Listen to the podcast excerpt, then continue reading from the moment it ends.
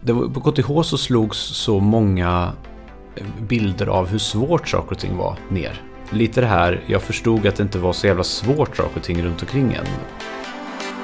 Välkommen till det första avsnittet av Mitt liv som ingenjör. Podden som möter ingenjörer för att höra deras historia, både privat och professionellt.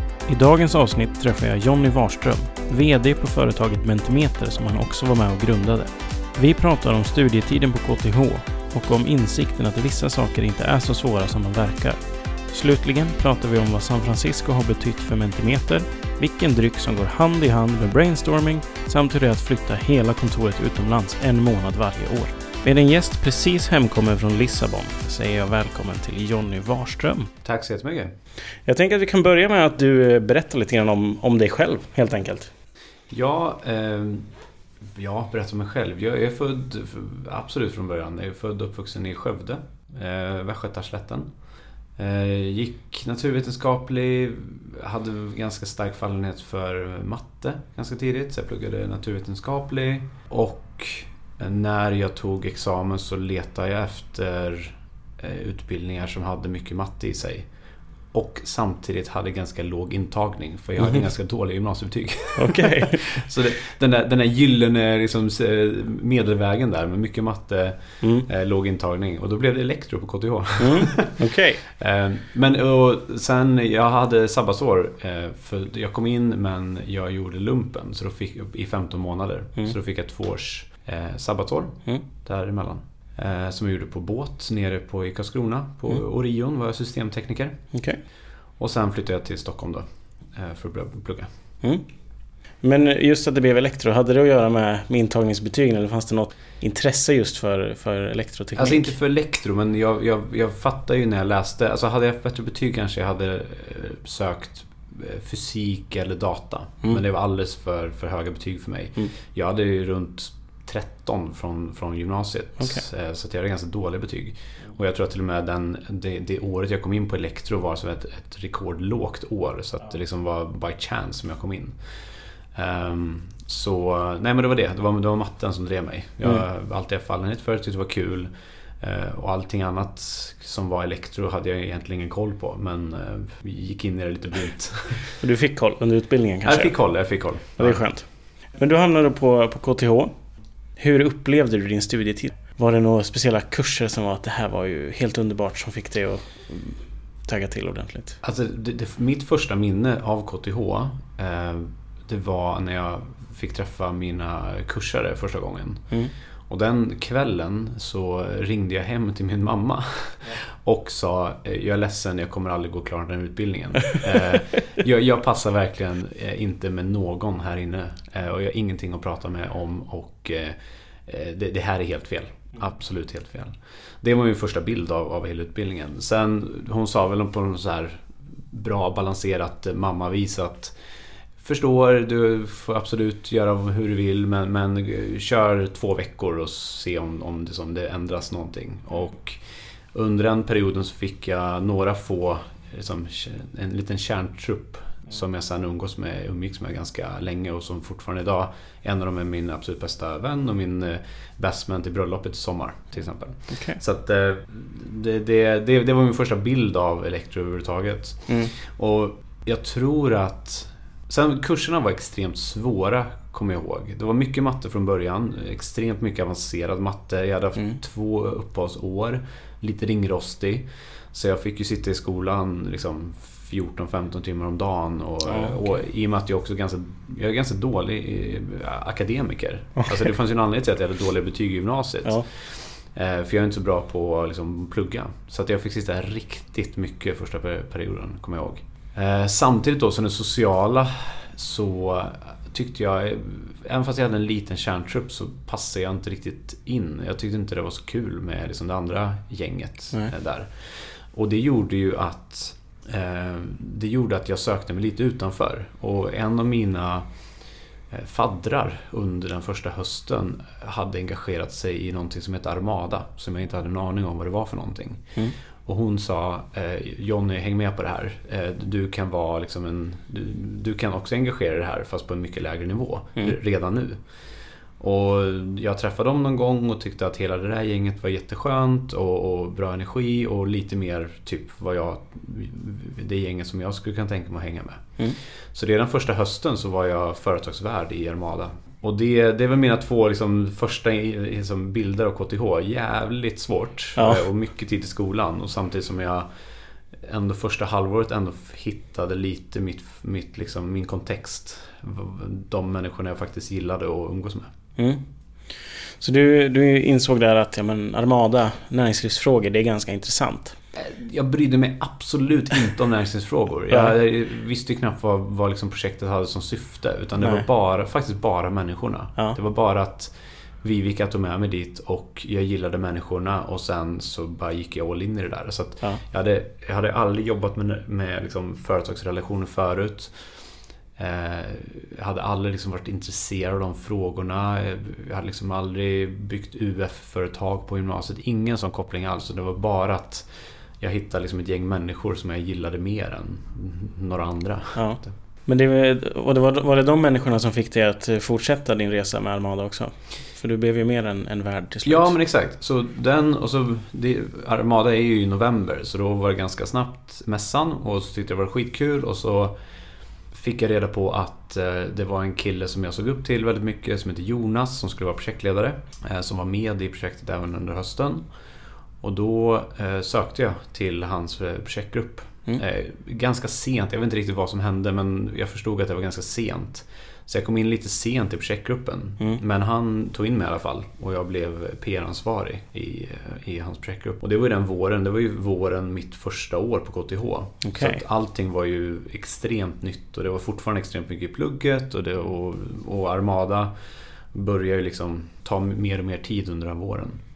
Eh, Men det gick jag ju in med hull och hår. Jag älskade det där. Det var ju där jag, jag, eftersom jag var inflyttad i Stockholm också så var liksom mitt nätverk i Stockholm ganska litet. Mm. Eh, Utan Armada blev ju mitt, mitt allt. Det var ju där jag hittade bra vänner, det var där jag hade kul, det var där de jag festade med, det var där eh, nya erfarenheter och liksom kunskaper, all, allt, allt kom därifrån. Och sen hade jag liksom plugget som jag skötte som jag skötte, punkt. Men, men liksom med, lite på vänster, med vänsterhanden. Mm.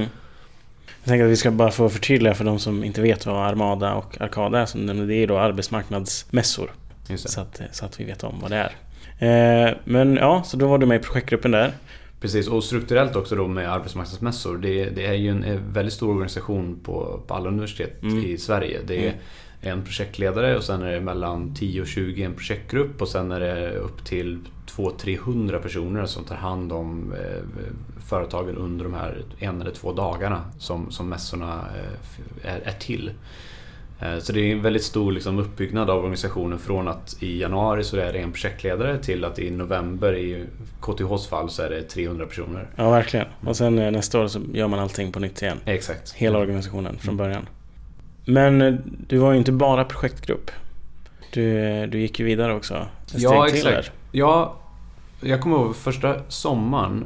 För då hade jag också av, av en kompis på Elektro fått reda på någonting som heter Nordjobb. Mm. Så då drog jag till Island i tre och en halv månad. Så jag Mm. sommarjobbade på Island under den... eh, Det är lite så här, det är också en liten röd tråd. Jag, jag använder liksom KTH på något sätt för att för att bara hitta andra roliga saker. Eller som jag från början tro- trodde var roliga saker att göra Mm. vid sidan av. Mm. Det- Armada är en grej, Island är en annan sak. Och så kom det en massa andra saker längre in i utbildningen. Mm. Ehm, Så då fick jag reda på någon att, att, eh, att det här Nordjobb fanns och att eh, om man skrev att man pluggade på KTH då, trodde, alltså då fick de ju en teknisk kompetens som de behövde. Och, så, och Nordjobb är en organisation där man utbyter sommarjobbare mellan de nordiska länderna. Okej. Så isländare kommer hit, danskar åker till Finland, finländare åker till eh, ja, var man nu vill någonstans. Mm. okej. Och då blev jag antagen och började jobba på Island som eh, motortekniker. Som jag absolut ingen aning om hur man gjorde. Men eh, jag fejkade mig in där och lärde mig jobbet ganska snabbt. Det var inte liksom hjärnkirurgi det där. Nej. Och var där. Och sen när jag kom tillbaka så tog Jonas mig lite under sina vingar. Förstod jag nu i efterhand. Ja. Och lite så guidade mig. Jag var ändå PR-ansvarig så jag hade ansvar för en grupp. Men att han också såg någonting i mig som han trodde skulle kunna vara en, en framtida chef över organisationen. Så jag var med på mycket av mycket viktiga möten under hösten och han, han bollade mycket frågor med mig och sådär. Mm. Eh, Och sen när det väl var dags för att söka till en ny projektledare i november Mm. så var jag väldigt taggad och gjorde det. Eh, Och sen fick jobbet. Eh, och då blev det då ett, eh, ett eh, avbrott i studierna där, för det gör man ju på heltid. Ja.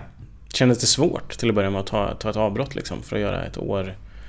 Nej, noll reflektion över att det skulle vara svårt. Alltså, var inte ens på kartan att jag liksom ifrågasatte det. Nej, okej, du bara körde. Jag bara körde. Ja.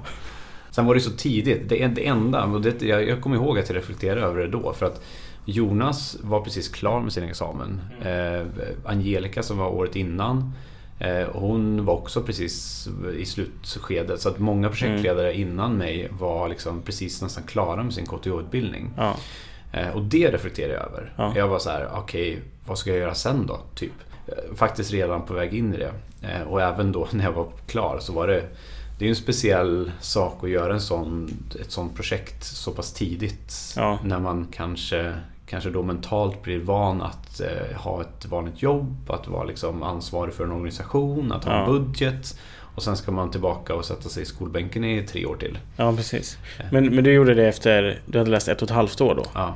Ja, jag, gjorde ju, jag hade ju två och ett halvt år innan jag tog arkad. Ja. Alltså, det är också ganska tidigt. ja, men det är också många, år kvar. Ja, ja men precis. Ja. Men eh, det året då?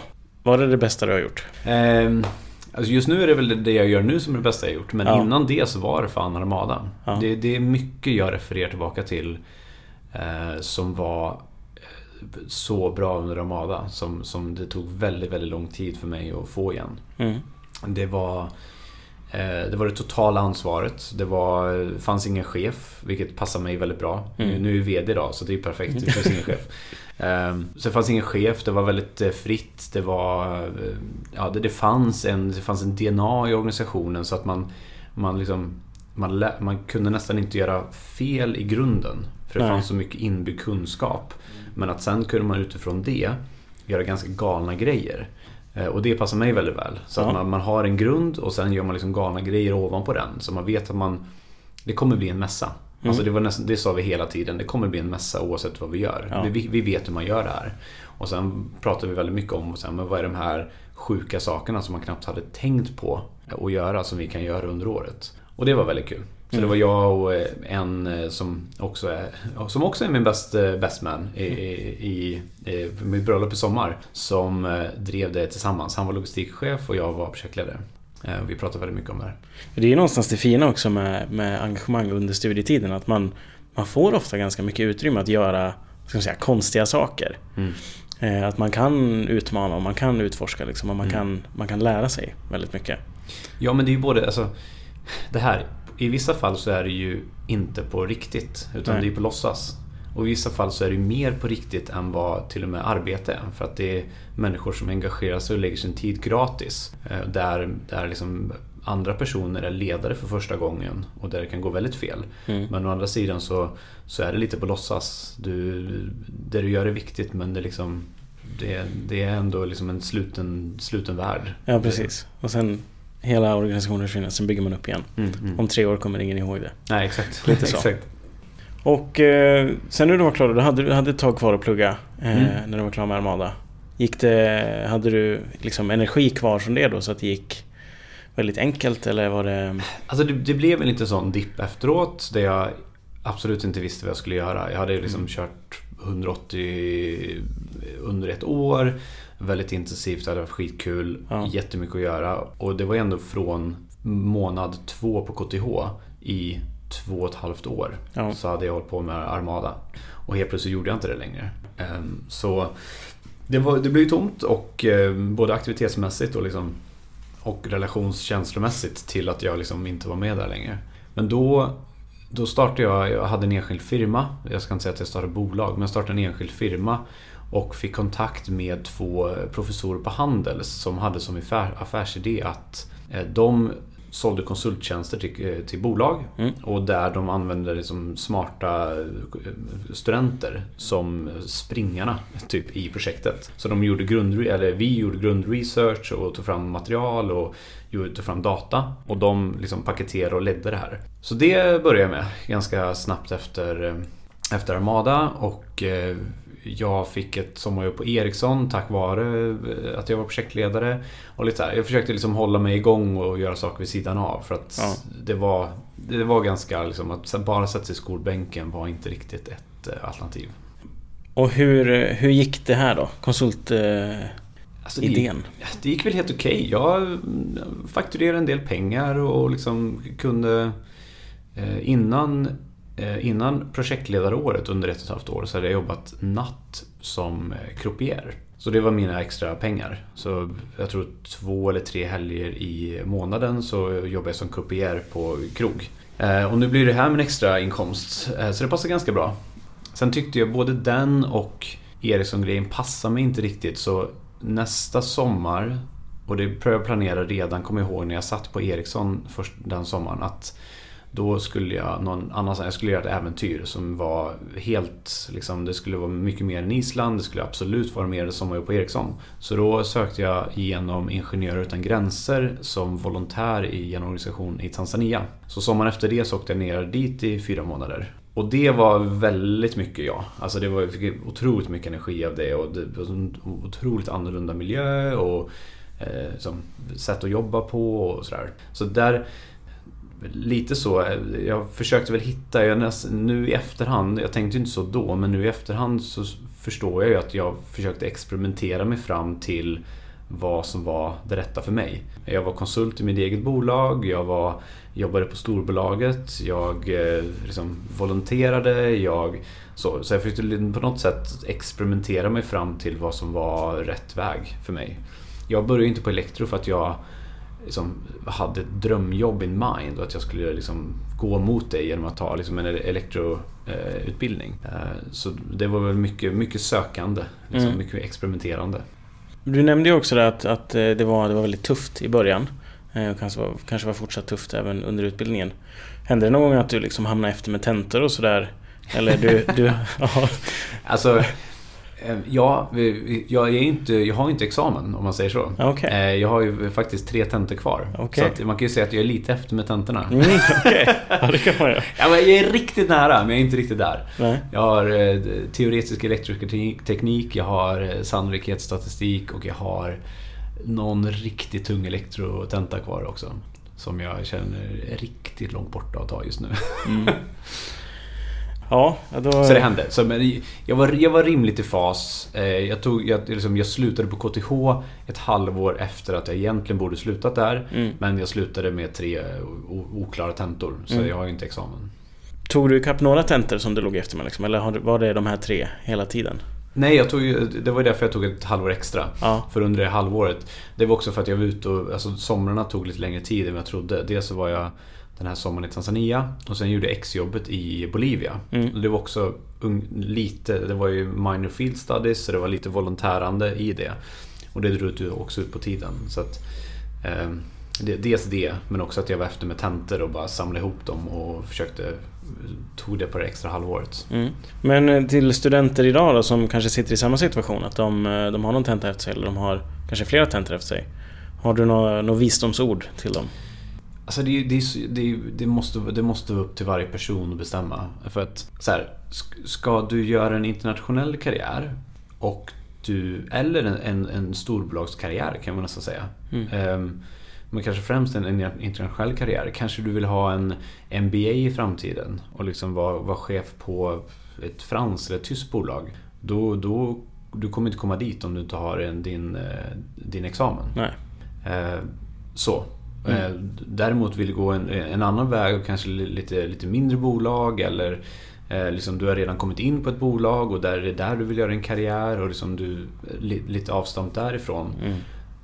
Då, då, det är inget krav men det, ja, det måste vara upp till var och en. Mm. Jag, jag, jag har inte satt mig och jag, tog, jag, var ju, jag är borta från KTH i tio år nu och jag har aldrig satt mig i skolbänken och bara nu jävlar ska jag naila det där. Så jag har ju uppenbarligen inget behov av att ta den där examen. Nej. Eh, varken liksom personligt ont i magen eller av någon karriäranledning. Eh, men jag vet ju folk som har gjort det för att de verkligen, verkligen vill ha den där eller det krävdes för att få det där nästa, nästa drömjobbet. Liksom. Mm. Eh, Och så är det ju fortfarande idag. I, i, I vissa fall. Eh, men du, du fick ihop ett exjobb i alla fall? Det, det fick jag. Ja, det fick du. Och sen, eh, vart hamnade du sen då? Sen började jag jobba på Netlight som är en IT-konsultfirma eh, här i Stockholm. Och där min kompis hade precis börjat jobba där innan sommaren. Och jag var väldigt... Då var de 70 personer när jag började jobba där. Idag, för någon månad sedan, såg jag bara att de, de kom över 1000 anställda. De blev jättestora. Ja, alltså det är helt sinnessjukt vilken resa. Och det, jag såg ju det redan då. Då hade de gått från att vara 40 anställda till, till 70 och hade liksom så här jättestora ambitioner. Och jag var väldigt fascinerad över hur de byggde hur de byggde bolaget. Mm. Alltså hur, de, hur deras kultur såg ut, hur, hur liksom effektiva de var i sina processer och utifrån liksom så här, bygga bolagsperspektivet. Och jag ville vara den där flugan som satt på väggen i den, i den ledningen och bara förstå hur det där byggdes och hur de prioriterade och vad de Eh, som, hur de gjorde det där. För någonstans hade vi liksom fått en tanke om att jag kanske någon gång ska göra det här själv. Ja. Jag, jag, kanske faktiskt ska bygga ett bolag själv. Och då såg jag dem som någon typ av som stjärna på himlen där. Att jag kan sätta mig där, kan jag börja jobba där och förstå hur de gör. Eh, så kan jag liksom göra det här själv någon gång. Mm. Men den tanken då att du, att du hade börjat fundera på om du någon gång ville bygga någonting själv. Kom den då eller hade den funnits längre innan? Eller så här, kan, du, kan du pinpointa när när du fick den tanken? Alltså, någon gång på KTH, någon gång... Alltså, på KTH så slogs så många bilder av hur svårt saker och ting var ner. Mm. Alltså, att, att, att, liksom, att Jonas var projektledare var för mig så här, vadå, han, han är ju ingen speciell person. Han är ju, han är ju lite äldre än mig och han är jävligt smart. Men kan han göra det kan jag göra det. Mm. Och sen var det som så här, jaha, driver de där personerna ett eget bolag? Kursarna till mig. Ja, men då kan väl jag göra det. Och så startade jag liksom ett, en enskild firma som jag hade ingen aning om vad jag gjorde innan dess. Så det, det som lite det här, jag förstod att det inte var så jävla svårt saker och ting runt omkring en. Mm, tack vare att det var så jävla drivna människor som höll på med saker runt omkring mig. Eh, så det var nog så här, bit efter bit så slogs det sönder under KTH-tiden. Så när jag, när jag slutade så var det liksom så här, ja, dels så visste jag att man kunde hassla till sig det, det mesta. För mm. att jag hade gjort det under ganska lång tid.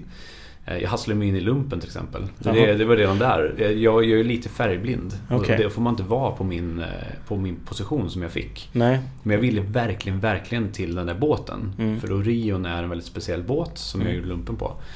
Så jag tog syntestet, eh, fick liksom decline på det. Kom till, till personen som skulle liksom skriva in mig och så sa jag nej, men jag, nej, jag har full färgsyn. Så sa han så här, men gå tillbaka och gör det igen, det måste vara något fel.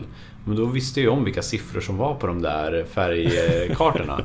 så då nailade jag ju 100% och sen skrev han in mig på som systemtekniker. Uh, och, det där blev så mer och mer och mer och mer och till slut när jag liksom då tog, tog examen, eller tog examen, när jag slutade på KTH ja. så, så visste jag väl så här, ja det, det mesta går, jag kommer nog förmodligen starta bolag någon gång mm. men jag vill ju veta hur någon som har gjort det framgångsrikt gör mm. så att jag inte bara bara gör det dåligt liksom. Nej. Så därför var Netlight väldigt bra start. Mm. Och där var du ungefär ett år? Ett och ett halvt. Ett, och ett, halvt. ett, ett och ett halvt år. Det var ju... Jag fick ju inte så mycket insyn. Eh, fick jag inte. Men jag ville ha mer mm. eh, insyn. Och, eh, och jag fick inte riktigt det som jag ville ha. Jag, jag jobbar ju med rekrytering och försäljning så jag satt ju på kontoret på Netlight. De allra flesta som jobbar på Netlight är konsulter på, ja. hos kunder. Men jag satt ju på kontoret och jag hade ju möjlighet att prata med VDn och vice VD-grundarna och liksom sådär. Mm. Men kom inte riktigt in i de forumen där de pratade om hur de byggde bolaget. Nej. Eh, och där, det däremot fick jag på mitt nästa jobb. Så mm. då blev jag VD-trainee på Telenor. Mm. Eh, åt en, ett bolag på Telenor som heter Telenor Connection. Eh, och det var egentligen min jag kanske var lite kaxig in i det jobbet men då, då sa jag det. Jag blev, jag liksom, I mitt nuvarande jobb så ville jag vara en fluga på väggen i ledningsgruppssammanhang och verkligen få reda på hur man bygger det här. Ja. Eh, nu om jag ska ta det här jobbet så vill jag verkligen ha det. Jag vill inte bara att ni säger det till mig utan jag vill verkligen ha det här. Mm. Och då, det ackar ju VDn Per all in på och det, det uppfylldes verkligen. Mm. Så jag satt ju med på varje styrelsemöte. Jag var med och tog fram eh, ledningsgrupps, varje ledningsgrupp eh, tog fram allt material för extremt känsliga och affärskritiska projekt under mitt VD traineeår. Eh, så det där var verkligen den här flugan på väggen. Jag kunde ju upp, verkligen 1% av affärsmannaskapet som Mm. de som satt i rummet kunde. Men jag kunde ändå lyssna in och liksom förstå att även där så var det kanske inte hjärnkirurgi. Det var liksom inte så jävla svårt. Det, det, de, hade, de hade många år fler på mig. Och därmed visste de mer hur man liksom beter sig där ute i, liksom, i affärer. Mm. Och hur man bygger bolag. Men det många av sakerna fattade jag och hade också kunnat bidra till. Du fortsatte på, på Telenor ganska länge ändå? Eller några år i alla fall? Exakt, så efter, efter traineeåret, som då var jag egentligen, då gick jag ju bara som en skugga efter VDn. Jag hade ju egentligen inga egna, ingen egen agenda alls. Det var ju liksom vad han behövde hjälp med. Men precis när det var klart så mitt, det stora projektet under det året det var att vi sålde av en, en jättestor del av bolaget till Ericsson slutade med att vi sålde det till. Och sen köpte vi tillbaka det som en tjänst. Mhm. Så det blev en software as a service, vilket är det jag jobbar med idag. Eh, Men då blev, istället för att vi utvecklade den plattformen själva så ägde Ericsson den och vi köpte det som en tjänst. Mm.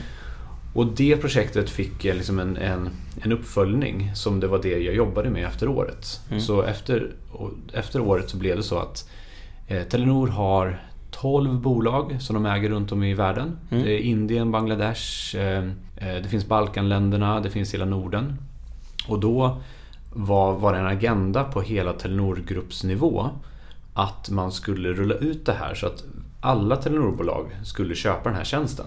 Okej. Och det vi, gjorde, det vi gjorde under mitt år det var att tillåta Sverigebolaget att köpa tjänsten. Så då blev jag chef över den gruppen som eh, utbildade, såg till att folk liksom förstod vad de, vad de kunde köpa, köpa från Ericsson och drev eh, kommersiella förhandlingar för, liksom, för dotterbolagen mot Ericsson. Mm. Eftersom jag också hade liksom, relation med Ericsson så kunde vi göra det på ett bra sätt. Mm. Och det gjorde jag ganska länge, två, två och ett halvt år eller sånt där, jobbade med det.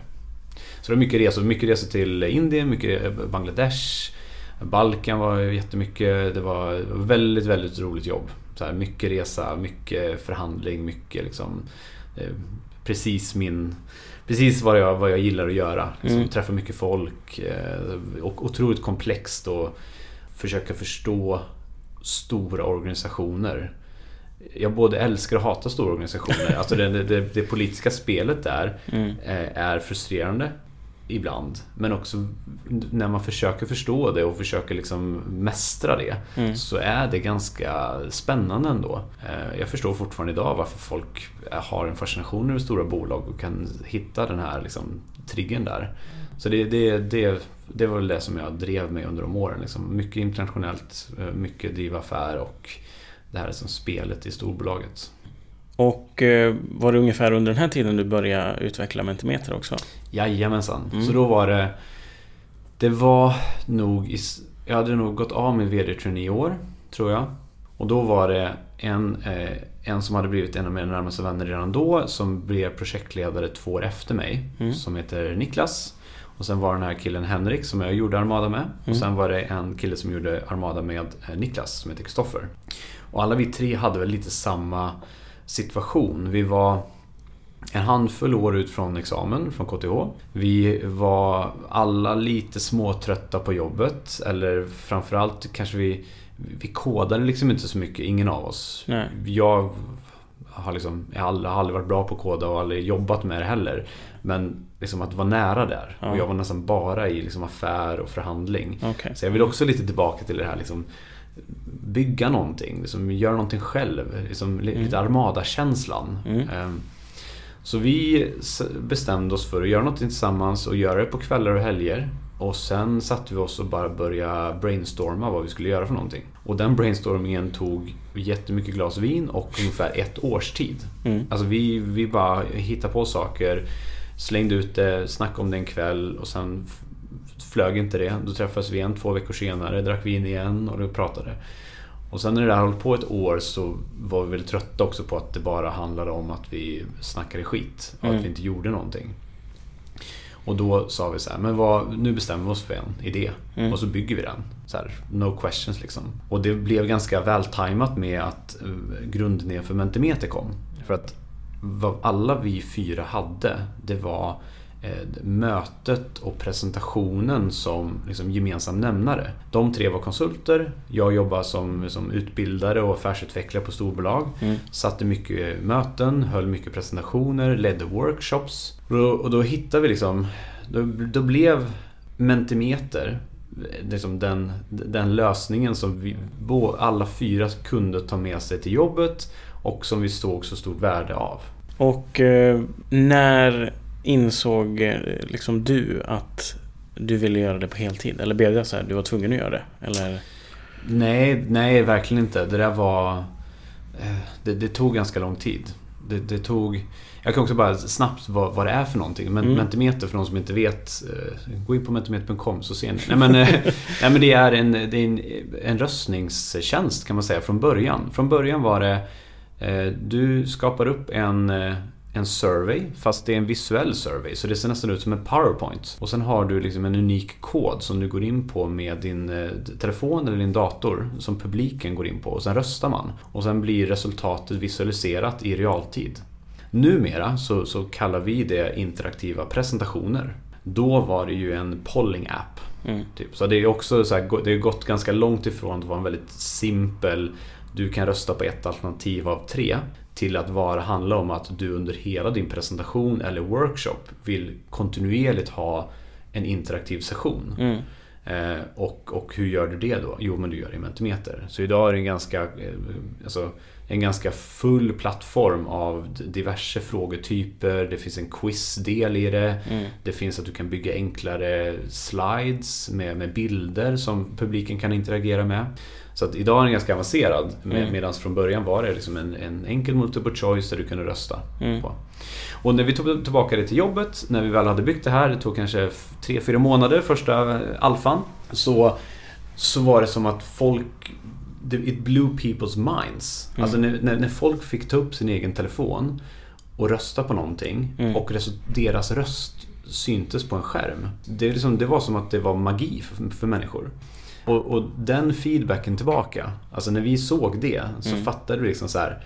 Okej, okay, det här måste vi fortsätta jobba med. Inte jobba heltid, det här var ju fortfarande, vi hade ju inte ens ett aktiebolag vid den här tiden. Vi var ju bara så här. Okej, okay, men vi sitter väl i två helger till och bygger den här nya funktionen då. Ja. För den, den har folk frågat efter. Ja, så det liksom de där två, två veckorna och gick ju några gånger sådär. Och sen var Niklas på ett uppdrag på Ericsson eh, som konsult och tog med sig Mentimeter in i, den, eh, in i det mötet, in i pitchmötet. Och fick Ericsson att också bli eld och lågor för den här sjukt innovativa digitala produkten. Mm. Det är klart att vi ska köpa in den för det här projektet som vi håller på med. Så då helt plötsligt var vi tvungna att hitta på en prismodell som vi inte ens hade. Vi hade ju, allting var ju gratis och låg öppet ja. på nätet. Då fick vi en prismodell som vi sen la ut på nätet och som vi sen började faktiskt få folk att liksom dra kreditkortet för att mm. uppgradera. För vi, vi, vi var ju också fyra vänner som gjorde det här på fritiden. Ingen kunde ta support. Nej. Ingen kunde prata med kunder. Det var ju, allt var ju tvunget att hanteras automatiskt. Vilket fortfarande idag li, ligger i DNA i Mentimeter. Det är en self-service plattform. Du ska kunna uppgradera själv mm. och, du, och vi ska kunna spridas på ett, liksom, ett, på ett viralt sätt. Eh, så idag i Mentimeters, liksom, vårt mål är ju att göra presentationer som de ser ut idag roliga och interaktiva. Idag är de tråkiga och ensidiga. Och vi vill att folk ska kunna vara delaktiga, känna sig att de är med och bestämmer, att deras röst blir hörd, att det blir en en, liksom en mer jämställd och transparent organisation genom att ledare faktiskt lyssnar på sina alltså medarbetare och sina kunder. Eh, och där, där, där siktar vi på idag och vi vill att alla ska kunna göra det här. Så det är en, det är en mass massmarknadsprodukt brukar, vi, brukar man prata om ibland. Eh, och det sätter vissa krav på produkten som vi faktiskt redan från början satte in i den. Det är mm. self-service och du kan betala när du vill. Du kan också ha den gratis om du vill det. Mm. Eh, och så vidare och så vidare. Och så vidare. Eh, och sen någon gång Kanske efter ett och ett halvt år så, så insåg vi väl att så här, men det här är värt mer att bolaget är värt att vi börjar jobba heltid med det. Mm. Alltså det, det, det, det, är så många som säger att det här är en bra grej. Eh, reaktionen varje gång vi visar upp det är helt liksom, vad fan håller ni på, vad är det här för någonting? Det är så black magic. Mm. eh, och, eh, Eh, så då, då gjorde vi det att jag ledde en process att ta in eh, lite riskkapital eh, från fyra änglar. Mm. Och sen eh, ungefär två och en halv miljon tror jag vi första mm. ängelrundan. Så fick vi in en till efter ett och ett halvt år ungefär. Så totalt har bolaget tagit in 4,5 miljon kronor. Det är det enda vi har tagit in mm. som pengar. Och sen, och sen körde vi igång och det här var sommaren 2014. Hur såg liksom första tiden ut när det var när alla ni hade gått över till att jobba heltid med det här? Ja, alltså vi, vi gjorde ju inte det här för att bli entreprenörer. Vi gjorde inte Mentimeter från början för att bli entreprenörer. Så därav så var det bara tre av fyra som faktiskt hoppade på heltid. För en hade precis börjat nytt jobb och kände att liksom, jag är inte entreprenör. Jag är ju jag har ett bra och välbetalt jobb här. Det är det jag ska fortsätta med. Så då var det tre av fyra som var kvar. Och sen eh, efter ett år faktiskt hoppar en, en, en tredje som faktiskt börjar jobba eh, tillbaka till sitt gamla jobb. Mm. För det, entreprenörskap var inte hans grej. Han hade testat på det här ett år.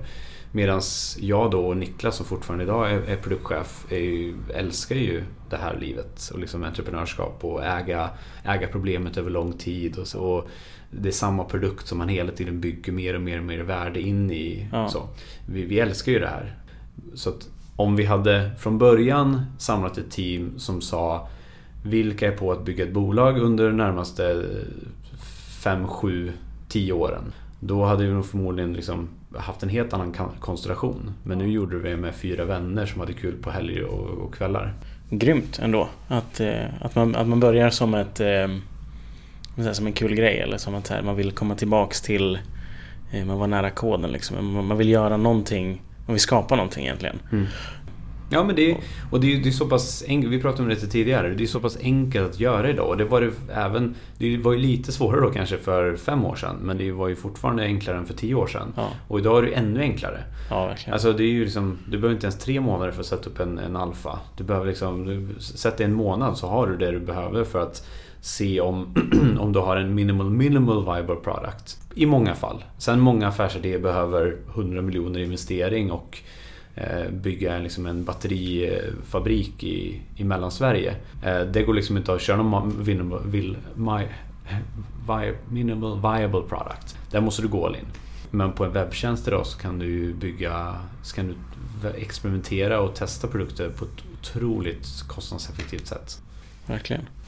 Vi var också inne lite grann eh, tidigare på, innan vi började spela in, det här med att ni tog steget och åkte till San Francisco. Mm. Och var med i en inkubator där. Hur, hur kom ni fram till det beslutet? Det var... Ja, det, det var efter ett år ungefär, ett år och några månader så tog jag en nätverks... Jag visste om 500 Startup, jag visste om Y Combinator. Så det var ju lite så här de där de där, de där gudarna på andra sidan Atlanten som liksom bygger alla unicorns eller som är grunden till det. Ehm, och då var det en av deras partners som var i Stockholm. Ehm, så jag tog en nätverksträff med henne och bara förklarade Mentimeter. Förklarade Mentimeter, förklarade vår tillväxt, förklarade eh, vad vi är på väg att bygga för någonting. Och jag trodde att vi var lite för sent. Jag trodde att det som har jobbat med någonting i ett år Eh, eller också då på fritiden tidigare, var liksom över det de var intresserade av. Mm. Så vi kom för långt. Men det visade sig att det inte var. Hon liksom tyckte att vi hade en väldigt intressant grej och att vi kunde ha mycket nytta av programmet och att liksom vi skulle över dit. Så att från egentligen ingenstans i nätverksträff med henne så gick jag tillbaka till teamet och sa så här, jag har blivit liksom jag har blivit kallad till nästa steg i det här. Mm. Eh, men jag vill liksom inte ta det om, om vi faktiskt inte flyttar dit. Och då var vi sju personer. Eh, och normalt, och det märkte vi när vi också var där, normalt så tar de över kanske två eh, grundare och sen ingen annan i programmet. För det är dels är det mycket tidigare då och då kanske man bara är två grundare. Men eftersom vi var sju så kändes det så här, men det är antingen alla eller ingen liksom. Så då var ju alla tvungna att bara säga tummen upp. Absolut, jag kan tänka mig SF. Eh, utan att jag lovade att jag kunde lösa att vi kom med. Kom med. Eh, och sen var det två till intervjuer. Sista intervjun kom jag, kom jag ihåg var på en fredag. Och på måndagen fick vi erbjudande om att komma till San Francisco och vara med. Okay. Och då sa de kan ni vara här om två veckor? Vilket var helt sjukt. Men då, det kunde vi inte. Så jag, jag sa att kan vi vara med i nästa batch? För de kör batcher om tre månader, eh, cykler. Så då var vi med i nästa batch. Så vi åkte i januari 2016. Och då med sju, sju kollegor mm. som alla bodde i en sån här liten San Francisco tvåvåningshus eh, och levde, levde liksom pantertantelivet i fyra månader. Och, och pantertante slash startup-livet.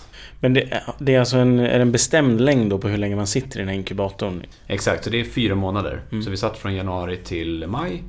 Eh, och det är en bestämd längd, du, det är bestämd, du får en, eh, både en, en mentor i att bygga bolaget, du får en coach i... Eh, de är väldigt fokuserade på alltså go-to-market och tillväxten, marknadsföringssäljet i bolaget. Så att nästan så att de skiter i vad du har för produkt. De kollar på datan om produkten är om produkten funkar. Ja. Så är, är det någon som vill ha det här? De behöver inte köpa det, men se, visa, visar datan att någon, någon vill ha det. Då handlar det egentligen bara om hur får man ut det här till massorna där ute. Och det finns ju jättemånga go-to-market-modeller, så det är liksom ingen one, one model fits all, utan det är väldigt så vi får komma på det själva, men de har lite hjälpmedel och lite coaching för att, för att lyckas med det där. Eh, och sen är det ett stor, en stor demo day som är liksom en presentation för runt 500 investerare eh, i, i maj eh, som alla bolag gör. Det är liksom den examen man tar. Mm. Tror du att det var en, en nyckelfaktor till att det har gått så bra för Mentimeter? Att ni kom iväg dit? Alltså vi fick vi fick modeller, vi fick, vi fick struktur och vi fick hjälpmedel som vi fortfarande idag använder. Så det är absolut en, en av anledningarna. Eh, sen använder vi väldigt mycket andra modeller och det är Eftersom som sagt det är inte så mycket produktutvecklingsfokus Nej. och vad, vad Mentimeter egentligen är och framgången med Mentimeter det är ju att vi bygger en produkt som älskas av människor som använder den. Eh, så på det sättet så är det ju kanske mer vår produktutveckling och liksom att vi har varit väldigt, väldigt bra på det och verkligen känt in vad folk vill ha för någonting som är den största anledningen. Men att vi liksom på ett professionellt sätt har satt det i modeller och sen har liksom, liksom tänkt på, på i, i de här modellernas strukturer har givetvis hjälpt oss.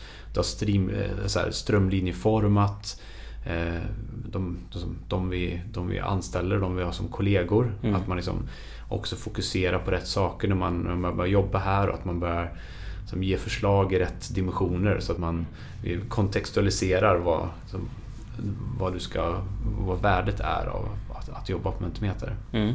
Och det, det kan ju vara värt att säga också för, för, för de som lyssnar som själva går i tankarna på att man startar eget. De kanske har kommit igång och har en som kanske är ett gäng som sitter och, och utvecklar en produkt.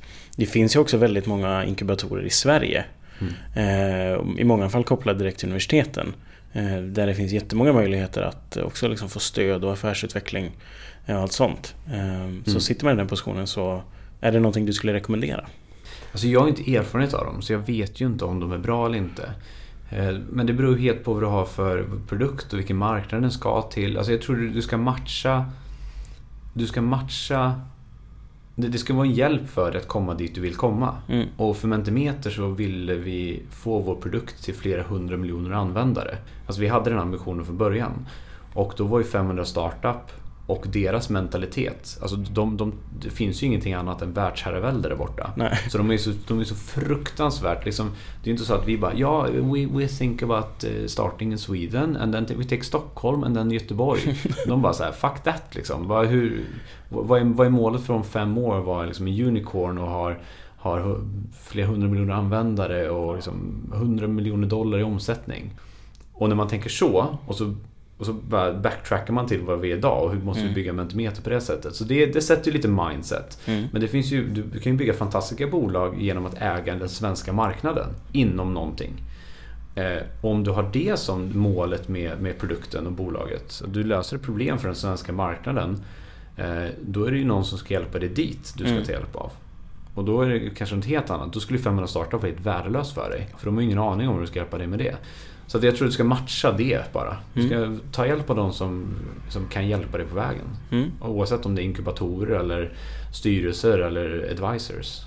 Vad var målet för, för Mentimeter då? Nu är det vi ska, vi, ska nå, vi ska nå, vår stora marknad är runt 500 miljoner användare. Det är så många som leder och sitter i möten. Som, som, har, liksom, som har behovet av att ha lite roligare och lite mer interaktiva möten. Då ska vi vara, vi ska vara liksom ett, en, ett tool i ett, i ett toolbelt. Alltså vi ska vara ett verktyg i en verktygslåda. Där whiteboard är ett verktyg ibland, post-it är ett verktyg ibland. Och ibland så har du en interaktiv liksom, digital presentation. Och vi ska vara i, det, i den verktygslådan för alla de människorna. Eh, och närstående så har vi ett mål att under nästa år nå 80 miljoner. Så idag har vi 20 miljoner användare. Mm. Vi har över 13 000 kunder i 60 länder. Så vi är ju vi är en bit på väg och vi Aha. växer väldigt snabbt och sådär. Så att ser vi till att bygga bra saker och marknadsföra på rätt sätt och, och, och prata med rätt kunder och sådär så kommer vi komma dit. Mm. Hur, många, hur många anställda har ni här idag? 21. 21 anställda. Mm. Och hur ser det ut som att ni kommer behöva fler och fler och fler? Eller? Alltså vi, så vi har ju lyckats och jag, jag, jag är ju väldigt tacksam över det. Eh, att skala effekten av vårt företag mycket, mycket snabbare än antal människor som jobbar här. Alltså att vi blir smartare hur vi jobbar och att vi skalar. Liksom, vi pratar om multiply yourself. Se till att den inputen du ger i Mentimeter får multipeleffekt ut hos kunderna. Så att vi har, vi har ju tredubblat Mentimeter de senaste tre åren, var, varje år. Alltså varje år tre gånger i användareffekt och i, i vår ekonomi. Men vi har gått från att vara sju anställda till att vara 21. Mm. Vilket är bara tre gånger då. Ja. Fast vi har liksom 9-10 dubblat oss. Eh, nej, det blir mer. Det blir 30 dubblat oss. Eh, och vi vill fortsätta den. Mm. Så vi som, målet med bolaget är att få så stor effekt där ute som möjligt. Sen är det några, liksom, här, några nyckelroller vi måste få hit. Vi kan jobba lite snabbare på vissa saker. som vi eh, det, det, finns, det är som en, en, en, som en design och en teknik innovationsutmaning hela tiden. Att vi, det finns otroligt mycket coola saker som vi kan göra som vi kan experimentera med till våra kunder. Mm. Där skulle vi vilja ha några fler vi, vi absolut i marknad, det finns någon expertis där som vi inte själva har inhouse som vi vill liksom lägga till. Eh, I, I säljet, absolut, men där har vi precis börjat vi har precis börjat där. För, för ett år och en månad sedan så hade vi ingen säljare på Mentimeter. Eh, vi blir lönsamma utan att ha en enda säljare på Mentimeter. Utan liksom, omsättningen från onlineprodukten eh, var nog för att vi skulle bli lönsamma som bolag. Så produkten sålde sig själv? Egentligen. Exakt, exakt. Mm. Nu har ju vi stora, enormt stora globala bolag med flera hundra licenser sålda till dem. Mm. Och det, det får vi tack vare att produkten är så älskad och tack vare att adoption av produkten sker i de stora bolagen. Eh, helt utan att vi har någon inverkan direkt på den. Indirekt så bygger vi en fantastisk produkt men direkt har vi liksom ingen inverkan på det. Och sen har vi numera då sju stycken i vårt säljteam som tar hand om den den kärleken, de tar hand om den kärleken som kommer från de stora ja. bolagen kan man säga. Ja. Eh, och ser till att det blir bra kontrakt, att vi har liksom en bra relation, att vi leder utrullningen på ett bra sätt och att liksom de blir nöjda. Och sen när de väl har hög adoption. Så att de köper fler licenser, att de växer och att de är nöjda. Eh, så där, och där behövs det kanske liksom några få också. Men där växer vi också tre gånger per år. Mm. Vi kommer ju absolut inte tredubbla den liksom, per år. Det, det, finns inget intresse av att bli ett stort, massivt företag i antal anställda. Det, in, det finns inget syfte alls med det. Eh, men en intressant fråga idag, eller har väl varit länge egentligen, men den är väldigt aktuell idag.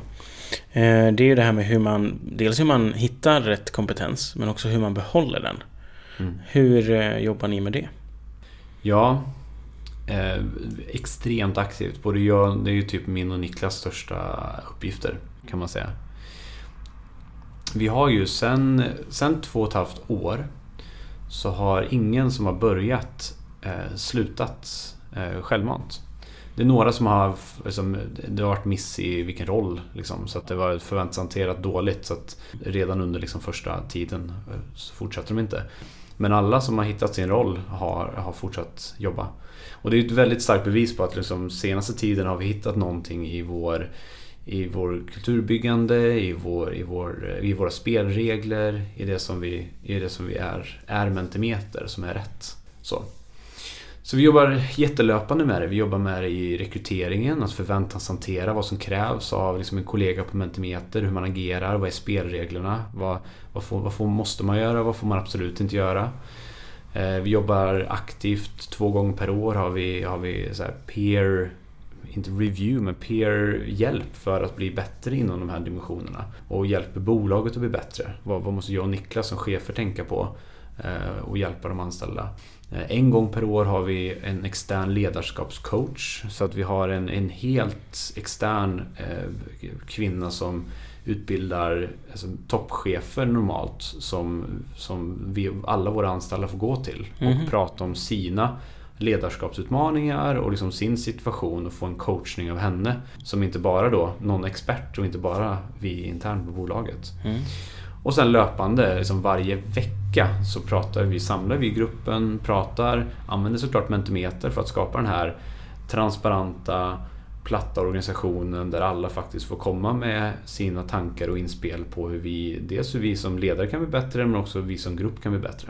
Så att liksom, transparens, medbestämmande, alla de här sakerna är ju väldigt viktiga för oss. Eh, och jag tror att det är en anledning till att vi dels kan attrahera fantastiska människor eh, och att vi sen kan bolla dem. Mm. Och eh, när jag, när jag ringde till dig när vi skulle bolla, bolla lite idéer inför den här podden då, då var ju du i Lissabon. Ja. Men det var inte bara du. Nej, exakt. Det är jag glömt att nämna. Att det är också ja. en del av det. Kan du berätta lite mer om det? Ja, det, det började ju med San Francisco. Så San Francisco var ju sju personer i fyra månader. Och när vi kom därifrån så var det ju förutom att inkubatorn och den delen av det var fantastisk så var ju också att vara i en annan stad, vara så nära sina kollegor mm. och liksom den, den dynamiken var också otroligt fantastisk. Så när vi landade tillbaka så var det så här, men kan vi, det är en öppen diskussion, så här, kan vi göra det här igen på något sätt? Alltså den, den upplevelsen av, av det. Vi ska, inte, vi ska inte gå en inkubator igen, det är gjort nu liksom. Mm. Och då bestämde vi den hösten när att vi, vi gör det här igen. För vi gör det en månad och sen gör vi det lite närmare så att det faktiskt är liksom Vi kan inte åka halvvägs runt jorden igen Nej. i fyra månader. Så då bestämde vi att vi skulle relocata hela bolaget till Barcelona i en månad. Mm. Eh, och då var vi tio personer. Så då är det ett stort experiment. Så här, går det att flytta alla anställda? Bolaget betalar för resa, boende, nytt kontor. Allting som behövs för att du ska liksom känna dig som hemma där nere. Eh, och sen drar vi ner laptopen här, flyger dit och sen sätter vi upp den där och börjar jobba. Och det funkade så fruktansvärt bra. Det var alla var ungefär lika, nästan mer effektiva än vad man var hemma. För att man liksom, när man väl jobbar, då jobbar man fan effektivt och snabbt. Ja. Och sen såg man till att liksom tappas av en. Men man kunde gå till den liksom, för att den lockade ju. Man gick till ja. olika ställen, man blev inspirerad. Det blev liksom en blev en liten paus från det här projektlunket här hemma. Man gjorde saker på lite annat sätt. Mm. Man lärde känna sina kollegor på ett annat sätt och sådär. Eh, och sen eftersom vi har gjort det då två gånger, då är det ju tradition. Så då eh, har vi, gjorde vi det i år igen. Ja. Men nu är vi 20 personer. Ja. Så det var 20 personer som bodde i Lissabon i en månad tillsammans. Eh, och det var en fantastisk upplevelse. Det, det funkar så otroligt bra. Men det blir en logistisk, eh, ett logistiskt problem kanske?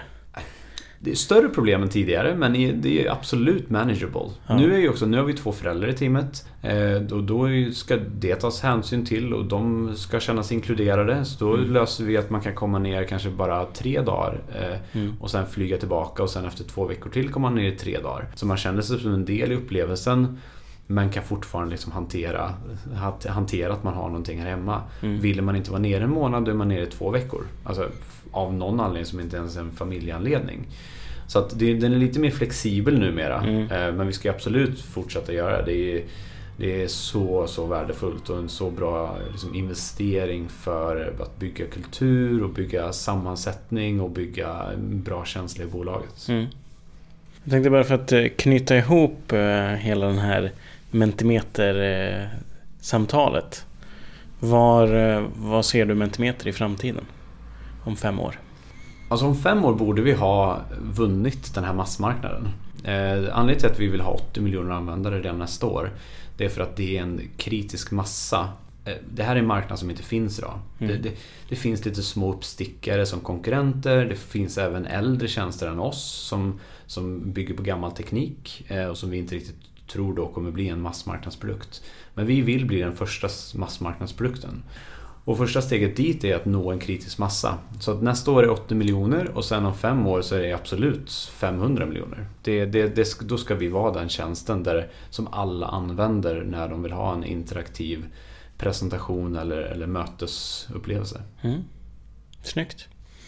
Nu har vi egentligen avverkat hela, hela resan från, från Skövde till, eh, till Mentimeter. ja. ehm, har du något tips till de studenterna som lyssnar? Eller kanske någonting som, som du önskar att du visste när du var student, som du vet nu? Um, alltså det, det, är så olika. Jag behövde ju experimentera mycket. Mm. Och jag behövde förstå att jag kunde... Jag är ju lite av en hustler, uppenbarligen, eftersom jag liksom... Så, eh, lura mig in i lumpen och sådär. Eh, och jag, jag, för mig så, så, behövde jag experimentera. Jag behövde testa mycket saker för jag visste inte vad jag skulle göra för någonting. Och, och, det hade jag säkert kunnat göra ännu mer. Så det är väl ett tips om man är lite lost som jag var då, eller lost, man liksom inte visste vad man exakt skulle göra efter. Så bara testa massa olika saker. Så någonstans hittar du det du ska göra. Eh, och sen beror det på hur du är liksom. Du, du kommer ju... Ja, men det är den stora eh, takeawayen tror jag. Eh, experimentera mycket och våga göra det bara. bara gör mer av de här galna grejerna som, som du kanske inte tror går att göra. Utan det går ofta att göra. Och det är bara att köra. Tack för att du har lyssnat på veckans avsnitt. Om du vill få uppdateringar om podden så finns vi på Facebook och Instagram under namnet Mitt liv som ingenjör. Nästa vecka gästas podden av Carl Bergström från Essig. Jag hoppas vi hörs